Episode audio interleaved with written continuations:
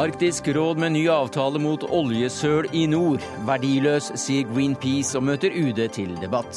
Justisministeren vurderer å fjerne foreldelsesfristen i alvorlige straffesaker. Fare for rettssikkerheten, mener advokat Frode Sulland. Vi må bli enige om en felles erklæring, sier Kristin Clemet til de borgerlige partiene. For tidlig, sier professor Frank Aarbrot. Regjeringen bør si unnskyld for at Norge ikke hjalp Island under finanskrisen, mener Per, per Olav Lundteigen.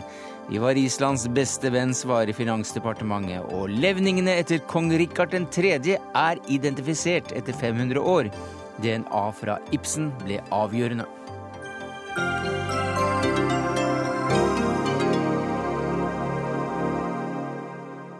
Ja, Det er noen av sakene i Dagsnytt 18 denne mandagen, der vi også skal høre om den eh, ganske ukjente norske fredsprisvinneren som la grunnlaget for Norge som fredsnasjon. Men vi begynner med norske interesser i nord, for eh, Arktisk råd jobber i disse dager fram en samarbeidsavtale som skal eh, beskytte havområdene mot oljesøl.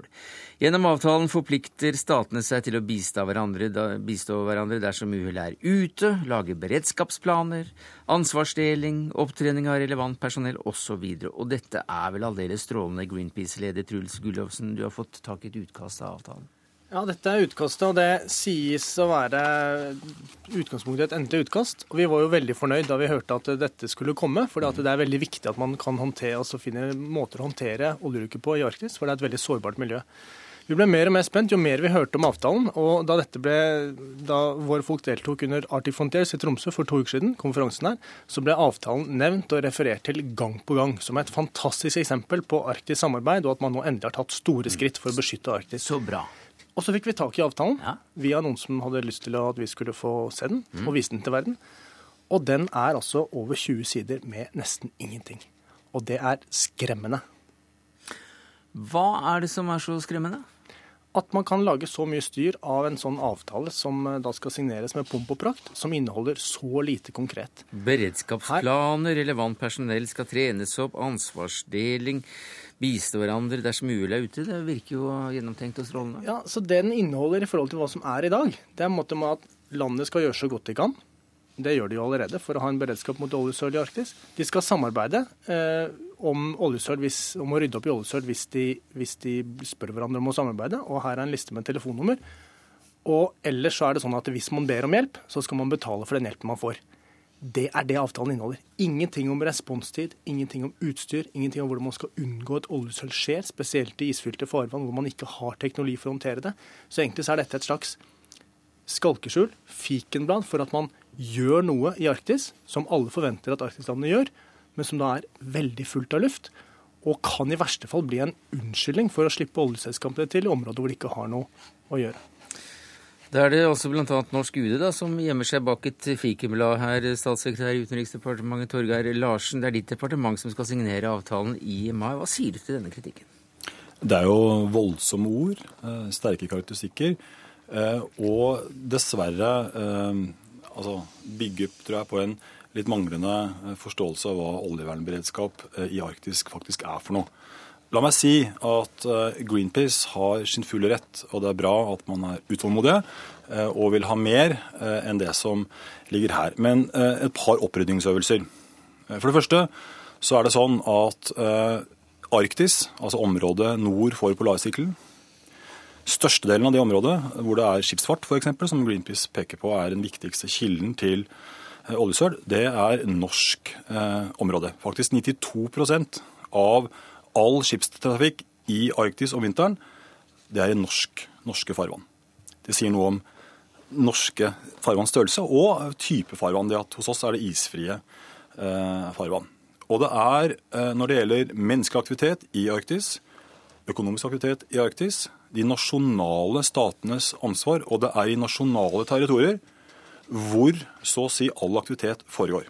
Der har Norge eh, store og ansvar ja, ja. og ambisiøse eh, beredskaps... Men nå blir jeg litt utålmodig for at du skal svare på kritikken. Så kommer det som det dette er. Og dette er en første planke når det gjelder å utløse samarbeid mellom nasjonalstatenes eh, eh, ulike systemer. Noe av det viktigste er å ha et grunnlag for faktisk å trene sammen, f.eks.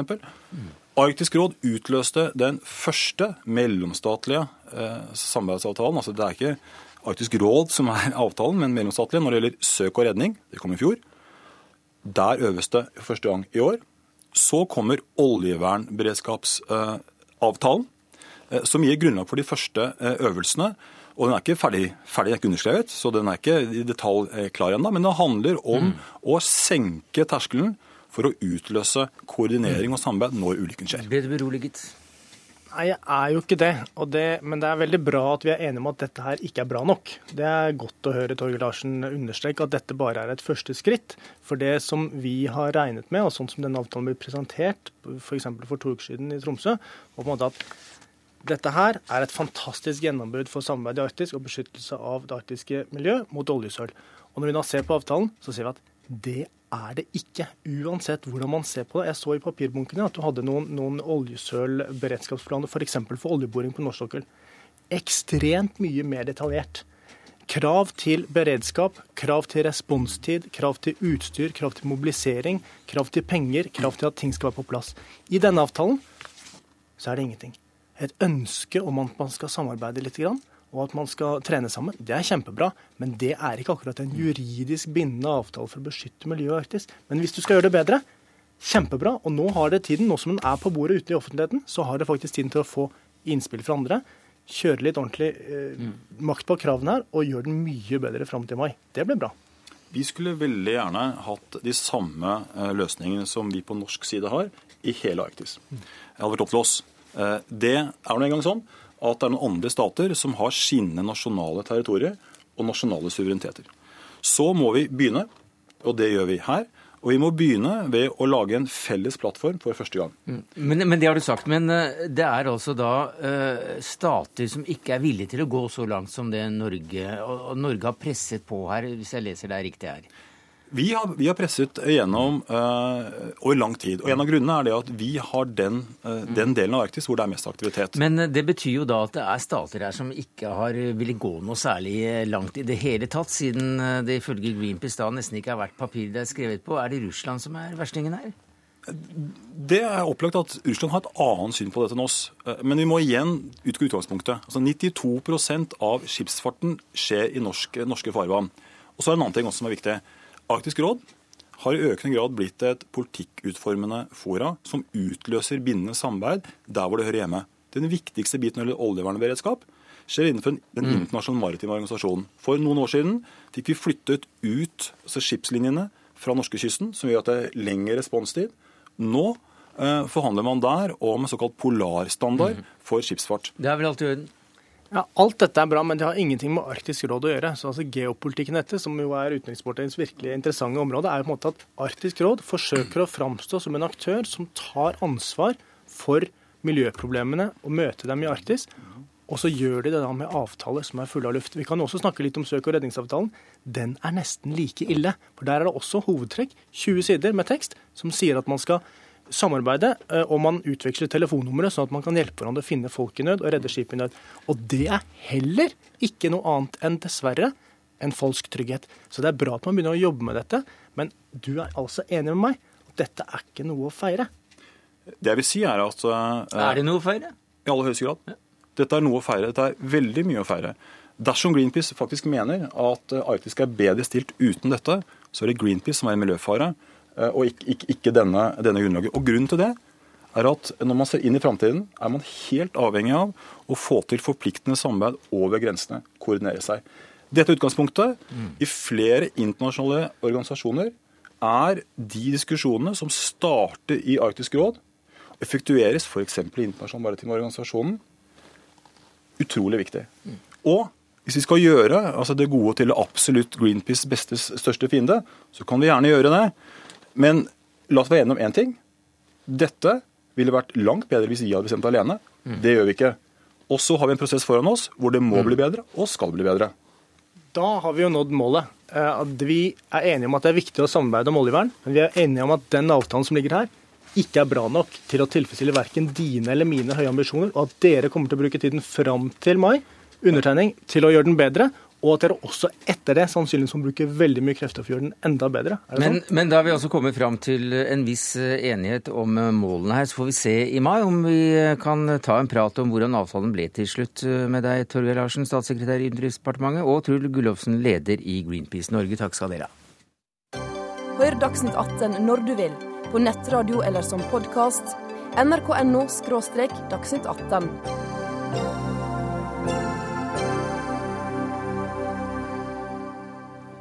Lørdag sto Anette Bensberg Eck fram i VG og fortalte hun ble voldtatt som liten pike på 70-tallet, da hun 35 år senere da kontaktet politiet for å få gjerningsmannen straffet.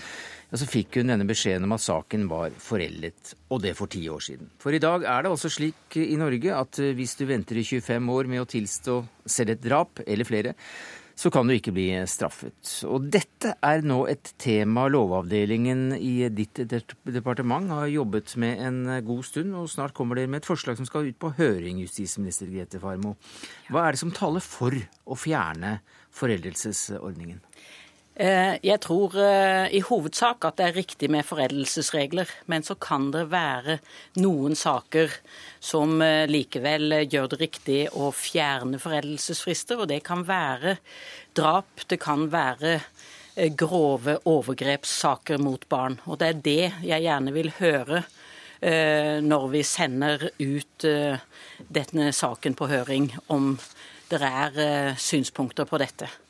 Justispolitisk talsmann i Høyre, André Oktay Dahl. Du har bedt ditt parti om å gå inn for å avvikle foreldelsesfristen for alvorlige sedelighetssaker og drapssaker. Hvorfor det? Det er erkjennelsen at uh, vi har fått mye mer kunnskap om hva denne type overgrep, f.eks. mot uh, barn og ungdom, kan gjøre med dem. Og jeg må jo si at uh, Man kan si at det er et rettslig prinsipp at det skal være maks 25 år før det skal være foreldet. Men man kan jo også si hvorfor skal det være et rettslig prinsipp at menn eller kvinner som har begått det verste som kan gjøres mot et barn eller et ungt menneske, skal få slippe fri. Og ikke minst så er det en grunn til å få stoppet en del av de overgriperne som antageligvis har fått muligheten til å holde på i flere år, fordi at de tilfeldigvis har hatt eh, flaks. Eller kanskje de har greid å true de menneskene som de har begått overgrep mot nok, til at de ikke har turt å si ifra før og gått inn i et dypt traume. Så det syns jeg er ganske gode argumenter for at vi gjør. Ja, Hva sier du til eh, dette, advokat Frode Sulland? Er det gode argumenter? Du leder Advokatforeningens forsvarergruppe og var medlem av straffelovskommisjonen eh, for 2005. Eh, ja, det er jo nettopp det siste du viser til som er litt interessant å trekke opp her. At dette har vært altså en prosess nå over de siste 20 årene med å gjennomgå vår straffelov. Eh, jeg satt i Straffelovkommisjonen som avga sin innstilling om dette i 2002 uten å se dette som noe påtrengende problemstilling. Vi eh, fjernet foreldelsesfristen pga. internasjonale forpliktelser knyttet til folkemord og krigsforbrytelser. Men eh, disse alvorlige straffbare handlingene hadde vært bred enighet om skulle ha en foreldelsesfrist. Man skal kunne gjøre seg ferdig med ting. Det var det også når dette forslaget ble behandlet i departementet og i Stortinget. Man skal få lov til å gjøre seg ferdig med ting. Ja, Det er jo det grunnleggende prinsipp som disse foreldelsesreglene er basert på. At på den ene side så svekkes jo samfunnets behov for å straffe etter hvert som så mange år passerer. På den annen side så skal den som uh, uh, har begått handlingen, kunne se et li annet liv i øynene. Familien skal kunne slippe at dette blir dratt opp igjen.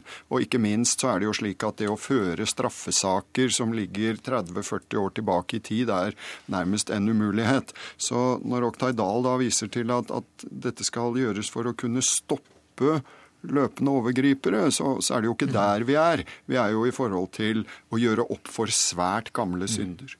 Det er nettopp der vi er. Og det er det jeg nettopp har fått eksempler på når jeg f.eks. har jobbet med mennesker som har vært utsatt for incest gjennom mange år, som ikke har greid å fortelle. På mennesker som er utsatt for grove krenkelser gjennom et helt liv. Og det er jo faktisk sånn at vi, vi er ikke mer usiviliserte enn vi kan titte til Sverige, som f.eks. i 2010.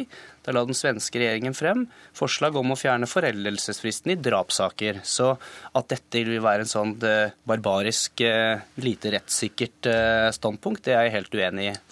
Det var jo også et, et mediestyrt, eh, en mediestyrt prosess langt på vei, ettersom det var knyttet til Palmesaken, så vidt jeg vet. Og, og, det er klart at eh, det er jo også et problem oppi dette. Nå har ikke jeg kjent med Lovavdelingens arbeid i dette, men eh, vi opplever jo gang på gang at det er så å si de litt tåredryppende medieoppslagene som styrer kriminalpolitikken, og at det er en, en svært problematisk side. Dette er grunnleggende rettslige prinsipper som man må ta på høyeste alvor. Altså, Heldigvis er det skjedd endringer i holdninger. Heldigvis har vi et samfunn som nå ser på overgrep som alvorlig kriminalitet. Og jeg satt selv som justisminister for 20 år siden og må bare innrømme at de holdningene som slo ut i datidens straffelov, var annerledes enn de vi har i dag. Og allerede 2002, Sulland, det er ti år siden det. Og når vi nå også sender ut på høring dette spørsmålet om å oppheve foreldelsesfrister for drap og grove overgrep, så kommer det sammen med forslag om såkalt stalking-bestemmelse. Stalking visste du og jeg ikke hva var for ti år siden. Det er når en person blir så opptatt av en annen at den faktisk eh, oppfører seg eh, aggressivt, truende og kan være også riktig å gjøre straffbart overfor et annet menneske. Og dette er det vi eh, må bare innrømme, at når vi får noen av disse historiene fortalt, også når vi hører hvordan barn evner å fortrenge, men senere får historien opp igjen, så syns jeg det er riktig rett og slett å høre også det juridiske miljøet om det er riktig å ta bort foreldelsesfristene. Ja, nå, nå, oppfatter jo jeg de siste dagers medieoppslag ikke bare som et spørsmål om å høre det juridiske miljøets synspunkter, men som ganske klare standpunkttagende fra mine to sidemenn her. Men eh, la nå det ligge. Jeg er helt enig i at man har fått bredere kunnskap om senvirkninger av ulike former for kriminalitet. Men spørsmålet her dreier seg jo ikke om hvor langt hvor lenge man lider, og det at en, et overgrep kan prege et helt liv, ikke bare i 20-30 år, men kan, man kan måtte leve med det livet ut som et stort problem. Men det grunnleggende er jo hva skal straffesaken, hva skal en etterforskning og en iretteføring 40 år etter medføre av eh, hva skal vi si, gjenopprettelse eller hvilke formål for straffen er det som oppfylles ved å føre straffesaker 40 år etter? Jeg har lyst til å si at Dette spørsmålet er ikke kommet som grunnlag av et oppslag i VG. Eh, det er skapt et inntrykk av at jeg har latt meg intervjue siste lørdagen. Det har jeg ikke gjort. Det jeg sa, jeg faktisk, sa også at Lovavdelingen din har jobbet med dette i lengre tid. Det gjorde du på en uh, riktig god måte, og det er viktig for meg å få fram at uh, selvsagt så gjelder beviskrav i disse sakene. Mm. Og selvsagt så er det tunge saker å få fram fellende bevis i, men spørsmålet er om man skal avskjære den muligheten i mm. utgangspunktet. Mm. Så 40 år, f.eks. Det virker jo helt urimelig at noen, eh, noen kan komme igjennom et sånt system med med, bevis, med fellende bevis etter 40 år? Altså, nå er jo ikke det liksom 40 år er det eneste vi snakker om her. Det er faktisk sånn at det kan være 10 års foreldelse, f.eks. For fra da 18 år. Og da er jo spørsmålet da er det helt umulig å få domfelt en person som gjorde noe mot deg f.eks. for 11 år siden. Det er det som er situasjonen her. Så jeg syns det er å oppkonstruere at det er det eneste saken det handler om at det skjedde 30-40 år tilbake i tid. Er det riktig, eh, Sulla? Det vil jo alltid være variasjoner innenfor et sånt spenn. Sånn at eh, noen kan velge å snakke om de som da dette får minst konsekvenser for, og jeg velger å trekke fram de hva skal vi si, mer langsiktige konsekvensene av at man skal oppheve. For det er jo det forslaget nå går på. Ikke at man skal bare skyve fem eller ti år, men at man skal oppheve helt. Og, og det er da man må se på hva hva kan det føre med seg? Beviskravet vil være der, men nettopp det gjør jo at dette vil ha en liten og svært begrenset virkning. Fordi at man nettopp pga. de sterke beviskravene ikke vil kunne føre disse sakene. Men rettsfølelsen blant folk? Ja, hvor er den hen? Hvem er det som definerer den? Nei, disse politikerne hvis... er jo så gode på det, men de tar ofte feil, viser det seg. Og derfor så syns jeg ikke man skal bruke det som argument. Men du var selv inne på at vi faktisk endret foreldelsesreglene basert på internasjonale forpliktelser når det gjaldt, eh, når det gjaldt f.eks. folkemord og terror. Det viser jo at dette prinsippet er jo ikke hellig. og Vi skal ikke sammenligne terror mot en lang rekke mennesker, mot f.eks. et enkeltperson.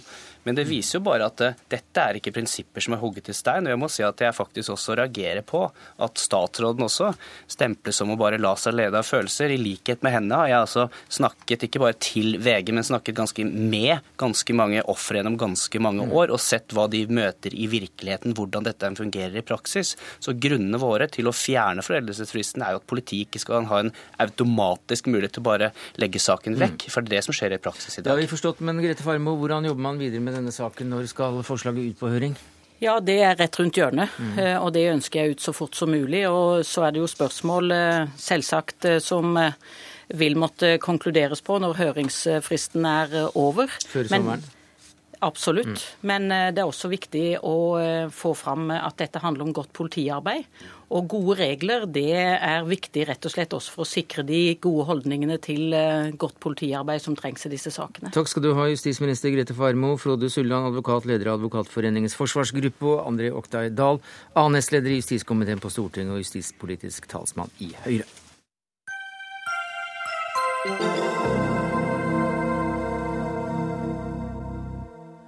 Et eh, 500 år gammelt mysterium kan nå regnes som løst. Etter at forskerne har eh, fått bekreftet at det faktisk er levningene etter kong Rikard 3. som ble funnet under en parkeringsplass i Leicester i England i eh, fjor.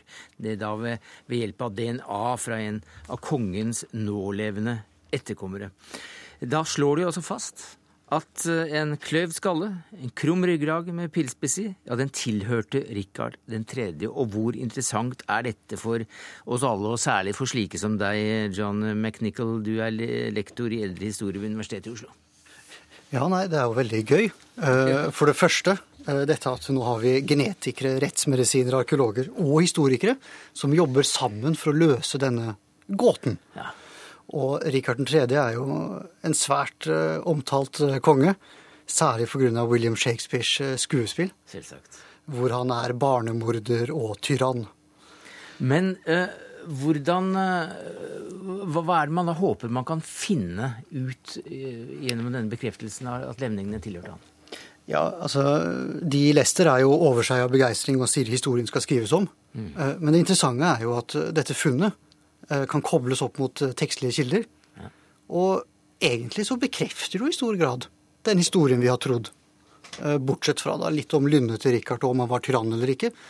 Men at han ble drept i det slaget, eh, hans fysiske attributter, det blir jo bekreftet nå. Og han ble også da drept i Leicester? Ja, rett utenfor i et slag i 1485, som da avsluttet eh, rosenes krig. Storbritannia-korrespondent Gry Blekastad Almås, i hvilken tilstand eh, var dette skjelettet? Ja, jeg holdt på å si god tilstand, men det var jo ikke det. Det kommer litt an på hva du mener. For det var i god tilstand til å bli undersøkt. Det var nokså intakt. Men det viste jo tydelig tegn på at Rikard 3. var blitt hardt behandlet eh, ved sin død, og også etter sin død, faktisk. Han hadde en stor sprekk i skallen, som sannsynligvis er den skaden som tok livet av ham. En tung middelalderøks i hodet stemmer med at han ble drept eh, i kamp. Trolig at han, altså de, historiene man hører at han da falt av hesten, og trolig han også mistet hjelmen. Det kan rime med denne skaden. Og I tillegg så, så har skjelettet flere stikkskader andre steder på kroppen, eh, som eh, disse ekspertene da mener er påført etter hans død. Eh, noe som viser at han kan ha blitt ydmyket og skjendet da, av motstanderne sine. Eh, igjen rimer dette med historien om at han skal ha blitt kledd naken, altså ikke hadde noen rustning på seg eh, etter sin død, eh, slik at eh, slike skader var mulig. da. Ja, det stemmer nok eh, godt, det. Så man kan tenke seg at i kampens hete og i raseriet mot denne tyrannen som skal ha drept sine egne nevøer, at man kan ha skjendet liket også i etterkant. Det er særlig et sverd for eksempel, som har blitt stukket inn opp baken. Mm. Men eh, nå fikk han jo en ærefull begravelse, fordi eh, Henrik Tudor, som var med å drepe han, han påkostet begravelsen i en stor alabastersarkofag i dette flotte fransiskanerklosteret. Så, så her var det en kamp mellom to eh, kongeslekter, for så vidt? Altså Tudorene og Ja, det er det. Det er rosenes krig, en ca. 30-årig krig blitt på og av mellom eh, et, eh, The House of Lancaster og The House of York, hvor Richard 3. var House of York, de hvite rosene. Og det var de røde rosene med Henry Tudor som vant frem. Men tilbake til, til, hvordan man undersøker dette her, og har kommet fram til at det faktisk er, er kongens levninger. Eh, så, så, var det også en Ibsen som er involvert i denne oppklaringen, Almås? Ja, det, en, eh, det, er en eh, etterkommer av hans, altså Rikard 3.s søster, eh, som jeg tror er 17. generasjon eller noe sånt. Veldig langt eh, selvfølgelig tilbake i tid. Eh, som nå er bosatt i London. Eh, som man da har fått DNA-match med i forhold til dette skjelettet. og her har jo et stort forskningsmiljø holdt på i mange år med ja, Punkt én var å finne denne Ibsen, som da skal være en, en fjern slektning. I tillegg så skulle de jo finne denne kirken. Den eksisterer jo ikke lenger. Hvor var nå den? Eh, og man har tatt i bruk ny teknologi da eh, i forhold til DNA-matchingen. Eh, så her har det vært jaktet på mange områder. og Jeg bare kan forestille meg den følelsen disse arkeologene må ha hatt da de nesten med første spadetak eh, på denne parkeringsplassen, hvor de hadde en idé om at denne kirken kan ha ligget, finner en grav med dette skjelettet. Og når de da Eh, etter noen dager løfter opp skjelettet og ser at de i tillegg har en krum rygg, som da rimer med denne pukkelryggen som Rikard 3. skal ha hatt, så må det jo ha vært en helt fantastisk følelse. Og det var vel noe av den entusiasmen vi så på denne pressekonferansen eh, blant disse forskerne i dag. Ja, for de gikk jo helt bananas ved universitetet i Leicester. ja, de var veldig stolte. Og det var ikke bare forskerne som var der, det var også representant fra katedralen, som nå skal da bli det nye stedet eh, hvor han skal begraves. Og også for, for byen. Ordføreren var til stede og, og, var så stolt som bare det, og sier at i dag skriver vi historie i Leicester og i Storbritannia. Men man går også etter eh, etter gamle tips for så vidt om hvor man kan finne eventuelt levningene etter kongen. Man går bevisst inn. Mm. Og så graver man under en parkeringsplass da man tenker at dette klosteret lå, og kanskje han lå der. Det visste man jo heller ikke. Og så finner man det. Det høres jo ut som en Indiana Jones-historie som ikke var verdt å se. Ja, men det, De hadde jo en del ting å gå etter. Altså, Det som synes som et lykketreff, er jo altså Han har nok fått en kongelig begravelse i, dette, i denne eh, fransiskanerkirken, som jo er et kloster etter vanlig modell. Eh, men eh, Henrik den 8. han oppløste jo klostervesenet i Storbritannia. og Da ble mange av katedralene og mange av klostrene de forfalt. Mange ble til og med bevisst revet. Og eh, på en eller annen tidspunkt så må da liket etter Rikard 3. ha blitt tatt ut av denne sarkofagen og hastig slengt ned i en litt tilfeldig grav, hvor han er blitt mm. dyttet nedi. Så akkurat den overgangen der eh, gjør jo at det er ekstra spesielt at vi fant dette skjelettet. Men hva slags type var det? Rikard 3. Ja. Det, altså, det går stygge rykter om han barnemorder. Ja, nå er det jo slik at I og med at det var William Shakespeare som er hovedkilde til mye av dette, selv om det nok var mye rykter i samtiden også, så skrev jo William Shakespeare for eh, seierherrene, for Tudor Line. Det var nok viktig for de å vise hvor onde de kongene de hadde eh, avsatt, var. Særlig da Richard 3. Men han tok også livet av to av eh, sine Var det nevøer? Ja, eh, det strides jo litt om det, men det er, slik, det er jo en viss gang i det fordi etter Edvard den fjerde så ble det hans tolvårige sønn som ble konge. Og han, ble, han, og hans lillebror ble satt i Tower of London av Rikard 3. Samtidig med at Rikard 3. fikk ekteskapet til Edvard kjent uh, ugyldig. Og da ble jo uh, de to barna uh, bastards. Mm. og da kunne Rikard selv heve seg opp til konge og krone seg til konge. Og det er jo ikke rart at i en slik situasjon, når da de to barna sporløst forsvinner, at eh, det er lett å peke på Rikard 3. Men igjen, altså, hva er det du håper kan, eh, kan komme fram ut ifra forskningen på dette skjelettet nå? Nei, altså, det jeg tenker er jo at uh, nå har uh, arkeologien gjennom bl.a. mitokondrisk DNA og isotopanalyser og slike fantastiske ting gitt oss muligheten til å, å sette arkeologisk materiale i en historisk nøyaktig ramme som ikke har vært mulig tidligere. Og De to store forsøkspersonene tidligere har vært f.eks. Øtzi og The Amsbury Man, en mann de fant fra Stonehenge. Men nå man gjøre, gjør man jo også dette da i historisk tid, hvor vi kan koble det opp mot tekstlige kilder. Og Det gjør det jo ekstra gøy for historikere. da. Men han var også en bra mann. Han innførte fri rettshjelp, kausjonssystemet.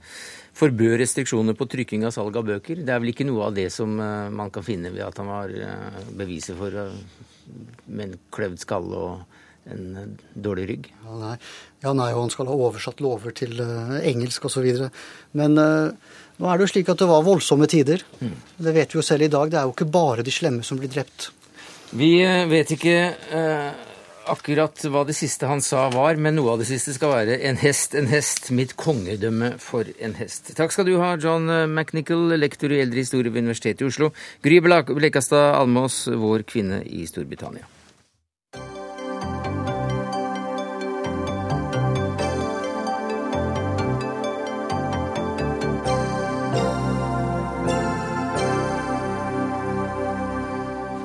Ja, Kristin Clemet, om 186 dager så er det plutselig stortingsvalg her i landet. Ja. Og det er visst ikke garantert eh, at den nåværende regjeringen får folkets støtte til å fortsette? Nei, skal man tro meningsmålingene, så tyder jo mye på et skifte, ja. Og det skiftet det jobber jo du sterkt for. Og nå er du ute og anbefaler de borgerlige partiene eh, Ja, hva er det du egentlig ønsker? Nei, Grunnen til at dere vil snakke med meg, er at jeg har sagt at jeg tror det kan være en fordel. Det er argumenter for og mot, men det være en fordel om eh, de partiene som nå har sagt de vil samarbeide, eh, enten det er i regjering eller mellom regjering og Stortinget, eh, de fire ikke-sosialistiske partiene, om de også før valget kunne avgi en slags felles erklæring om noen få punkter.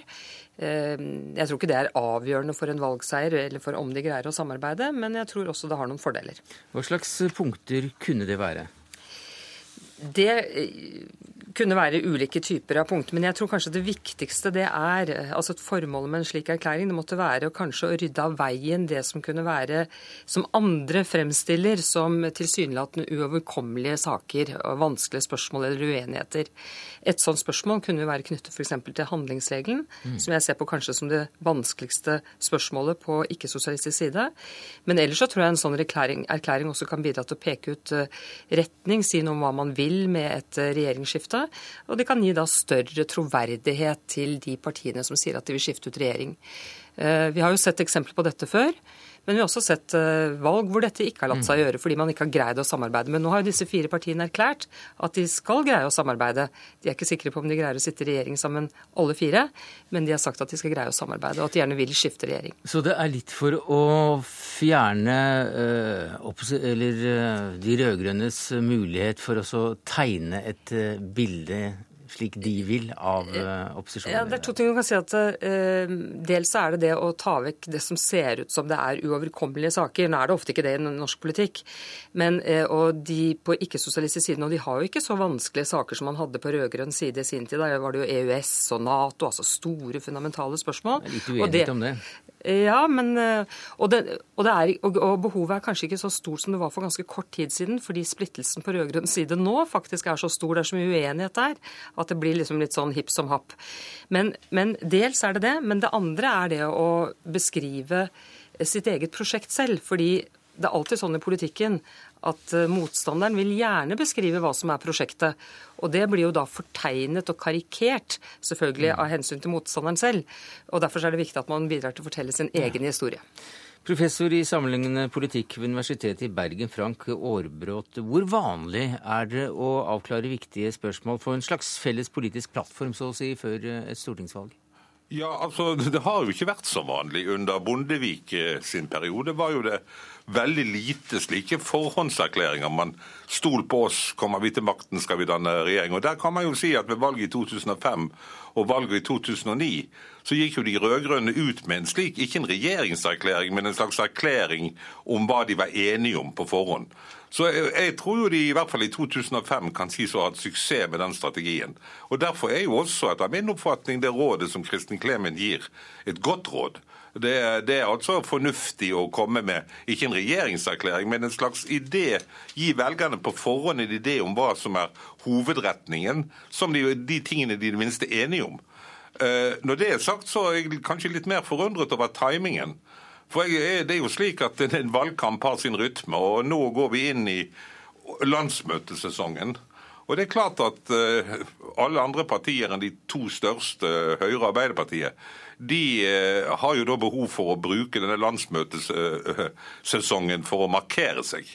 Så muligheten at det kan kanskje oppfattes som litt utidig i disse små partiene, hvis de store partiene begynner å mene at de skal komme med felleserklæringer før landsmøtesesongen.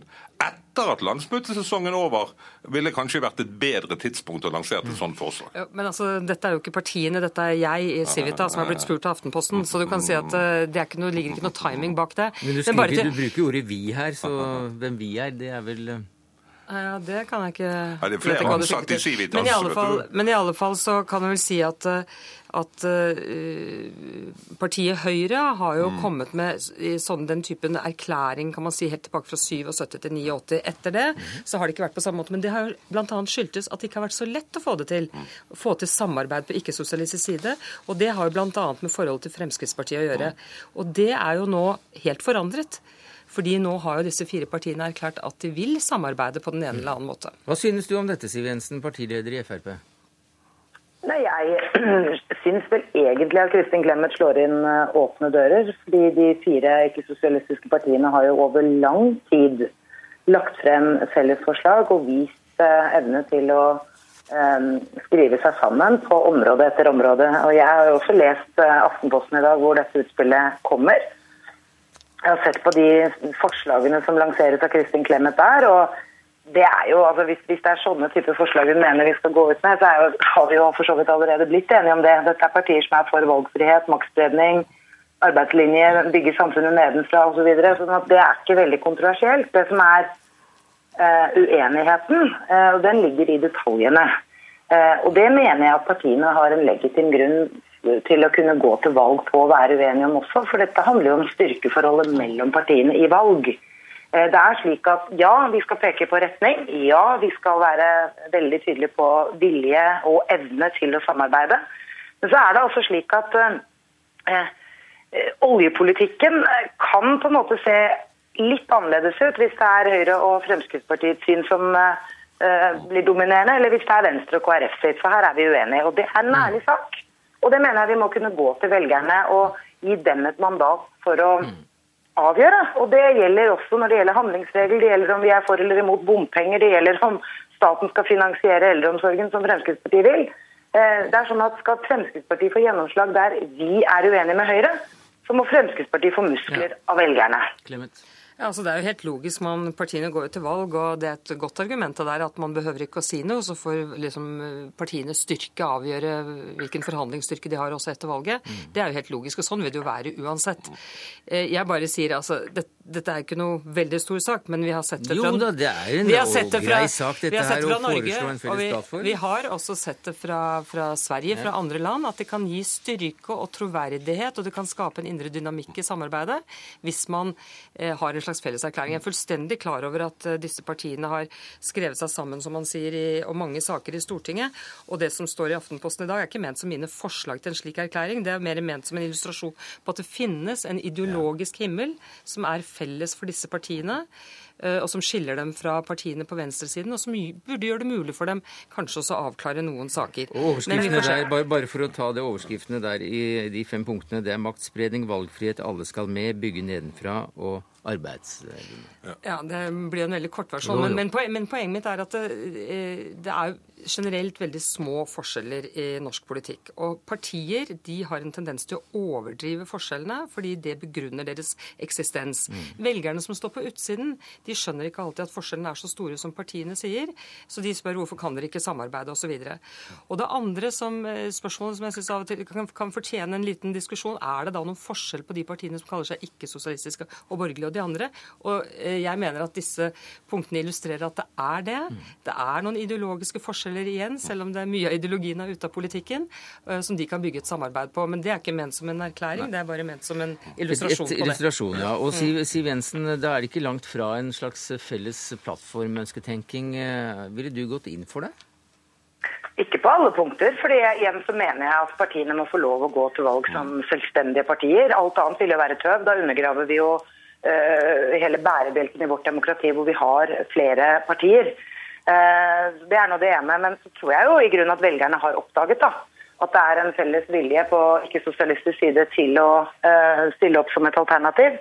Hvordan det nå ser ut, vel, det avhenger av valgresultatet. Mm. Og så har vi, i motsetning til Sverige, som Clemet fremhever, så har jo Norge nå snart åtte års erfaring med flertallskoalisjonsregjeringer.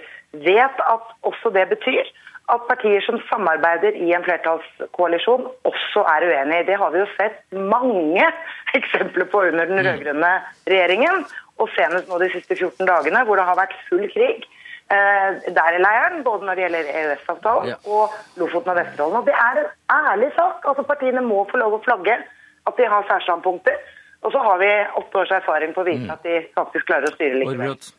Ja, som sagt, jeg bare lytter, og det Siv Jensen sier bekrefter mitt synspunkt. Det er klart det at det er veldig fornuftig og forståelig at hun sier det hun sier, både før og under partiets landsmøte, med den medieoppmerksomheten det har. Men det, det burde jo likevel være, kunne være forenlig med Clemens idé om å ha en erklæring der man forteller om hva man åpenbart er enige om. Men jeg tror nok kanskje at Clemens liste litt for åndelig for flertallet av det norske folk. At man kanskje kunne tenke seg et par konkrete saker. La oss si at man var enige om å beholde kontantstøtten, f.eks. Hvis man da er enige om det, så bør man jo vel ikke unnlate å si det. Altså, En del konkrete punkter ville kanskje være fornuftig å forlene denne ideologien litt med. Vi inviterte også de tre andre borgerlige partiene, men de takket nei. Kanskje litt symptomatisk, jeg vet ikke. Kristin Clemet, daglig leder i Civita, takk for at du kom i hvert fall. Frank Aarbrot, professor i sammenlignende politikk. Og Siv Jensen, partileder i Frp.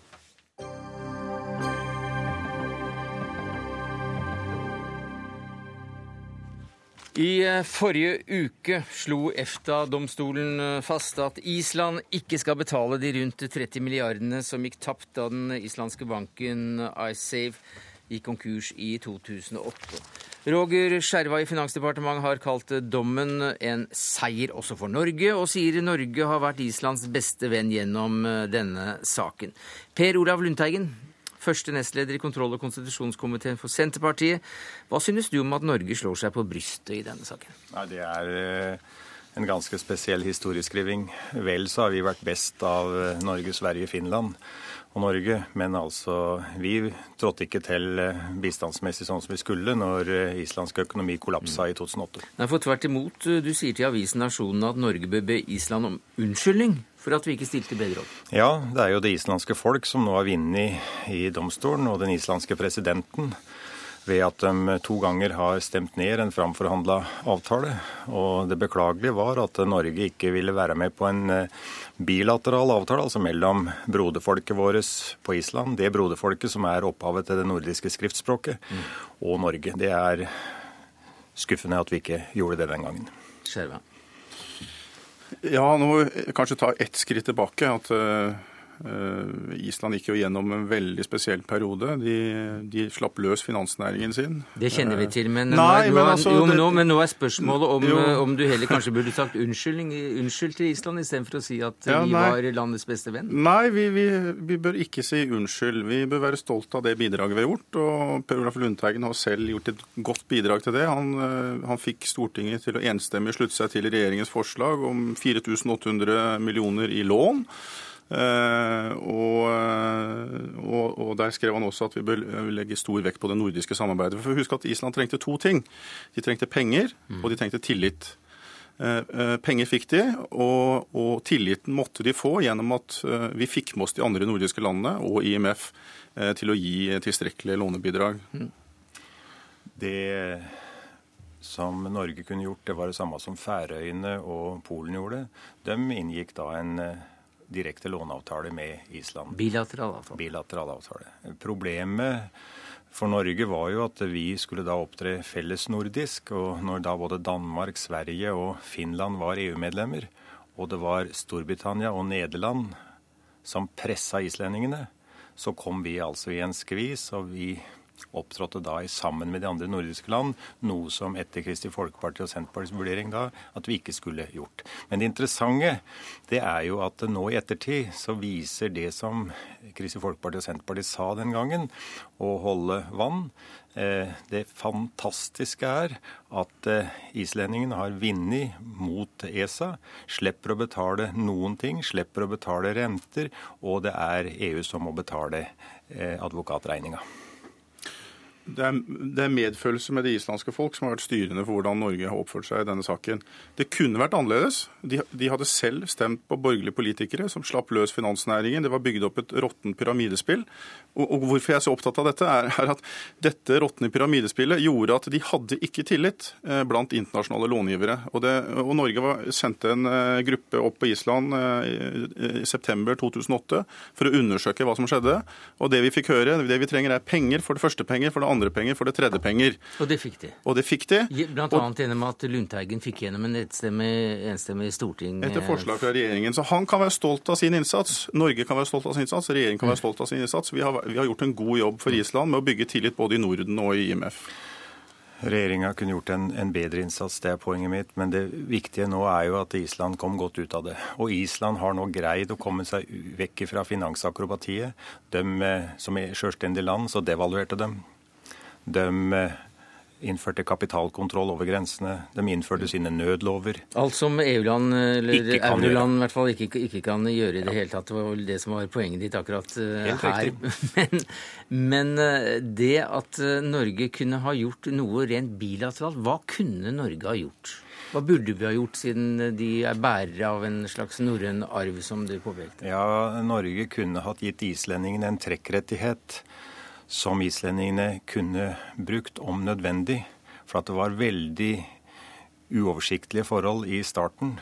Islendingene sa jo at verdiene i boet var betydelig større enn det som de eh, britiske eh, terrorlovene tilsa. Så det var egentlig bare behov for en trekkrettighet, sånn at de altså fikk stabilisert økonomien sin innafor det nye regimet med devaluering og kapitalkontroll på grensa. Det var jo snakk om det da dette her utspant seg også, så hvorfor gikk ikke Norge inn for en slik deal? Altså, vi var selvfølgelig ikke mot, eh, prinsipielt mot å gi et bilateralt lån. Hvis det hadde vært nødvendig, så er jeg helt sikker på at vi hadde gjort det. Men heldigvis så var det ikke nødvendig. Heldigvis så fikk de tillit eh, også i andre land, og det var det som var viktig å jobbe for, at de skulle få, få tillit. Eh, og når Stortinget behandla det forslaget om bilateralt lån, så ble det jo vist til at det var jo ikke nødvendig. fordi at Eh, den formuleringen som vi brukte om at Island må stå med sine internasjonale forpliktelser, viser seg særlig ettertid å være en genial formulering. For den både beroliga långiverne og ga Island handlefrihet til å prøve ut saken sin rettslig. Fasiten har vi i dag. De vant rettssaken. Eh, de har eh, gjennomført økonomisk stabiliseringsprogram som gjør at det nå går veldig bra på Island. De har den nest laveste ledigheten. Og dette har skjedd under den rød-grønne regjeringen på Island sin, sin ledelse. I den perioden fra 2008 og 2009 så var det utrolig turbulente tider. Og tenk på det, i den fasen så forhandla altså regjeringa der med, med britene og måtte inngå en avtale for at de hadde et liten tillit ute. På tross av det så sa det islandske folk med over 93% nei til den framforhandla avtalen. Så starta nye forhandlinger, som også ble nedstemt i en folkeavstemning. I den situasjonen, dersom det islandske folk hadde hatt støtte fra Norge, så hadde de sjølsagt stått mye sterkere i diskusjonen, men de klarte seg likevel. Det viser hvilket flott folk islendingene er når det virkelig kreves. Jeg tror Island har hatt godt nytte av at Norge har vært en brobygger mellom eh, Island og, eh, og andre land, særlig Norden. Og det har betydd mye for at vi har fått det gode resultatet vi har fått. I sluttfasen så var Norge, Norge med på den, den rette sida, men det var når en så at det gikk den rette veien. Åh. Ja, For da var Norge hjelpeintervenent for Island mot ESA ja. i rettssaken. Så det var først når vi så hvilken vei vinden blåste Nei, Vi understreket hele tiden at det er ikke en forutsetning at de skal oppfylle ICEV-avtalen. er ikke en forutsetning for lån. Og Det var selvfølgelig en hard kamp fram og tilbake hele tiden. Storbritannia brukte den makten de hadde i IMF-systemet, men de nådde ikke fram. Eh, de fikk lån både fra IMF og fra Norden. Så vi hadde standpunkt for eh, Islands syn lenge før akkurat vinden snudde her? Det var sånn ganske brokete hvor mye vi hadde det. Vi kunne gått mye mer broderlig, broderlig fram, men det er historie. Det som nå er det viktige, er at det islandske folket greide å vinne og har fått islandsk økonomi på kjøl igjen, fordi at de kan stå utafor EU og dermed handle ut fra sine forhold. Spist er spist, og sånn er det. Per Olav Lundteigen, første nestleder i kontroll- og konstitusjonskomiteen. Takk skal du ha, Roger Skjerva, statssekretær i Finansdepartementet.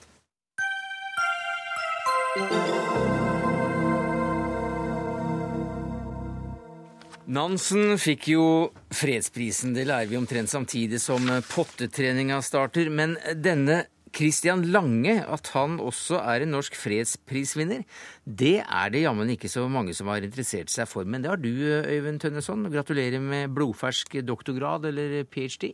Takk, takk. For i større grad enn eh, Nansen kan Lange betraktes som den norske fredstradisjonens far, skriver du. Ja, det er sånn at Nansen han var på en måte en person som iscenesatte seg selv ganske sterkt. Så han ble på en måte en veldig sånn kjendislignende figur og har vært brukt som, en måte, som et slags forbilde mm. for skiftende norske regjeringer, bl.a. når de har snakket om Norge som fredsnasjon. Lange derimot, han var mye mer av en tenker og var med på en måte på å utvikle det vi kan si er den internasjonale fredstanken i det 20. århundret. Fra en start omkring 1899-1900 og framover. Hvordan da? Først så ble han altså eh, headhuntet. Han var, han var eh, utdannet eh, historiker og språkmann. Jobbet på gymnas i, i, hovedstaden. Og så ble han rekruttert som sekretær for en interparlamentarisk konferanse i Kristiania i 1899.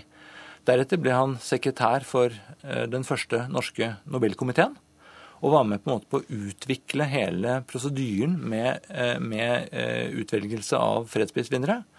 Så flyttet han utenlands, til Brussel, og ble generalsekretær for Den interparlamentariske union, en tidens viktigste internasjonale fredsorganisasjon, vil jeg hevde. Og der var han faktisk i den stillingen helt fram til 1933. Mm. Så, men gjennom hele perioden fra 1899 og fram til han døde i 1938, så var han engasjert både organisatorisk og tenkningsmessig for internasjonal fredssak. Men du, eh, ikke for å snakke stygt om eh, denne hedersmannen, men altså, han var også da sekretær for Nobelkomiteen og la på en måte grunnlaget for den moderne måten å velge ut prisvinnere på. Og han ble vel senere også da medlem av Nobelkomiteen? Det gjorde han. Ja, og så fikk han også noe, uh, fredsprisen, da. Det er helt riktig. Det, det, høres ikke helt bra ut. Nei, det høres veldig ut som en sånn, litt sånn kameraderi, dette her. Ja, absolutt. Ja, Og det er jo også litt nærliggende å tenke sånn, så det er mange som trekker litt på smilebåndet når de ser på hans, hans løp. Eh, for å si det slik, i, 18, I 1909 så ble han eh, ansatt som generalsekretær for denne interparlamentariske unionen. Og en av de som var drivkrefter for å få ham inn der, var franskmannen eh, baron de Tournelle de Constant, eh, som fikk Nobels fredspris i 1909. Pussig. Ja, pussig. Tilfeldig? Nja, tilfeldig. I hvert fall. Jeg er i tvil om vi skal peke på noen sånn direkte sammenheng. Du valgte deg denne lange som et slags prisme, noe også da doktoravhandlingen eh, tar i sin tittel, eh, for å beskrive og forstå deler av internasjonal politikk før og etter eh, andre verdenskrig. Første verdenskrig. Første verdenskrig, mm. mener jeg. Eh, hva gjør han så egnet som et, som et slikt prisme? Du, Det er først og fremst det at han var opptatt av å ta vare på det han gjorde. Slik at han altså hadde et arkiv. Mm. Og han skrev veldig mye. Han hadde en meget omfattende korrespondanse. Og så var han språkmektig, slik at at når jeg har fulgt ham, så har jeg kunnet følge det han har skrevet på norsk, på engelsk, på fransk og til dels på tysk. Og dermed også se dem, hvem han skrev med, og hvem han hadde kontakt med internasjonalt. Og de personene han var engasjert sammen med, utgjorde på mange måter et transnasjonalt nettverk som var med på å drive fram både organisasjonsoppbygging og forståelse måte, av de internasjonale utfordringene før første verdenskrig, og ikke minst under første verdenskrig. Men han var også da opptatt av fredsarbeid, demokratibygging, statsbyggeprosesser etc. Hva er det som særpreger hans syn, som, som du da ser det? Ja, altså det er sånn at uh, en av mine opponenter jeg disputerte, han spurte meg om man ikke kunne se på Kristian Lange som en tragedie. Fordi hele arbeidet hans ble jo mislykket på en måte i og med utbruddet av andre verdenskrig. Og til det svarte jeg nei. Eh, jeg mener at han på en måte utmerket seg ved å forene to veldig viktige typer tenkning. Det ene er prinsipiell tenkning, altså om hvordan internasjonale relasjoner bør være. Og det andre er en nøktern, faktisk ganske kald vurdering av hva som faktisk er mulig til enhver tid. Så en, en, han var en utpreget pragmatiker, vil jeg si. Pragmatisk idealist? En pragmatisk idealist, nettopp. Altså absolutt opptatt av verdier og prinsipper, normer, og av det muliges kunst. på en måte. Men han, han så jo også da eh, statsbygging, demokratibygging, som en svært langvarig prosess. Det gjorde han. Han, eh, i, I 1911 så var han med på en veldig spesiell konferanse som fant sted i London, som het The First Universal Races Congress, altså den første universelle rasekongress. Og der, var det, eh, der tok man på en måte livet av forestillingen om raseskiller som mm. biologisk begrunnede. Men det han var veldig opptatt av da, det var å se på hvordan rettssamfunn og eh, samfunn med representativt styresett spredde seg i verden. Han var helt sikker på at dette var noe som kom til å spre seg over det meste av verden, men viste da til den europeiske erfaringen, som var at dette tok veldig lang tid. Og at det måtte være drevet fram av indre prosesser i det enkelte samfunn. Aha, så det går ikke an å dra til Afghanistan, Irak eller eh, Libya med ferdige oppskrifter? Jeg tror Det kan godt hende at han vil være tilhenger av bruk av militærmakt i noen slike sammenhenger. Men ikke for å bygge demokrati. Nei. Det er simpelthen fordi det kan være nødvendig av eh, hensyn til internasjonal fred og sikkerhet. Men det å bygge opp stabile eh, systemer som er preget av, av, rettssikkerhet og demokrati, det er noe som han ville mene at skulle foregå over lang, lang tid. Virker ganske moderne. Uh, ser du et klare trekk, tråder helt opp til uh, utenrikspolitikk i dag i Norge, og ikke minst bistandspolitikk? Det vil jeg absolutt si at, uh, at det går noen linjer her. Ja. Denne pragmatismen han sto for, vil jeg si at norske myndigheter på mange måter har stått for Nokså, altså Skiftende norske regjeringer har stått for mye av dette. Mm -hmm. De har stått for noe som er å heve fanen ganske høyt, kan man si, for, for verdier. Prinsipper som det har vært lett for Norge å stå for. Og så har man vært ganske nøkterne når det gjelder hva man faktisk kunne få til.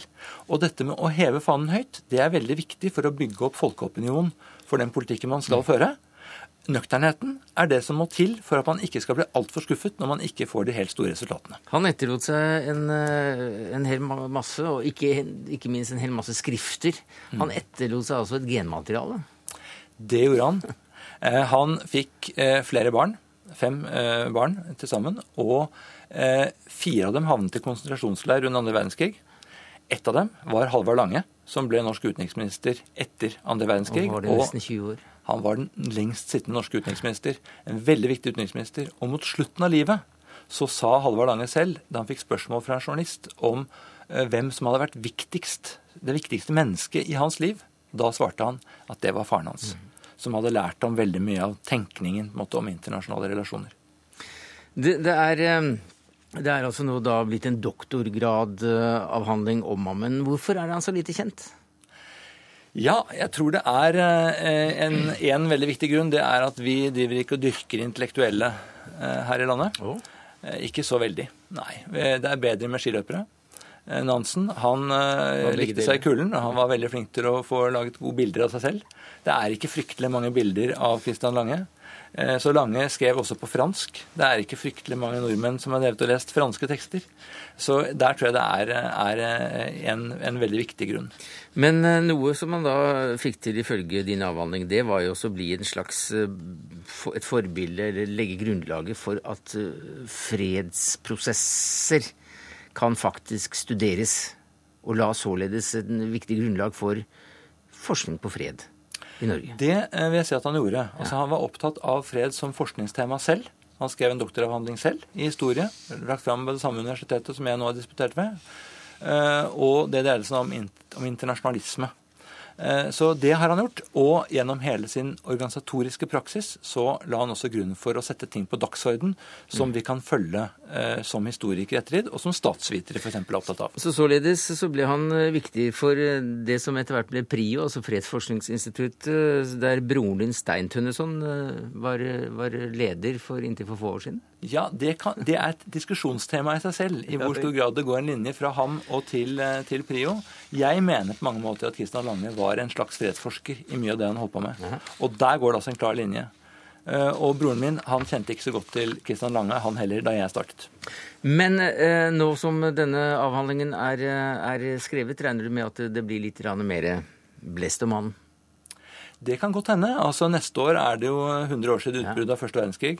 Jeg håper at det blir mer oppmerksomhet eh, om ham da.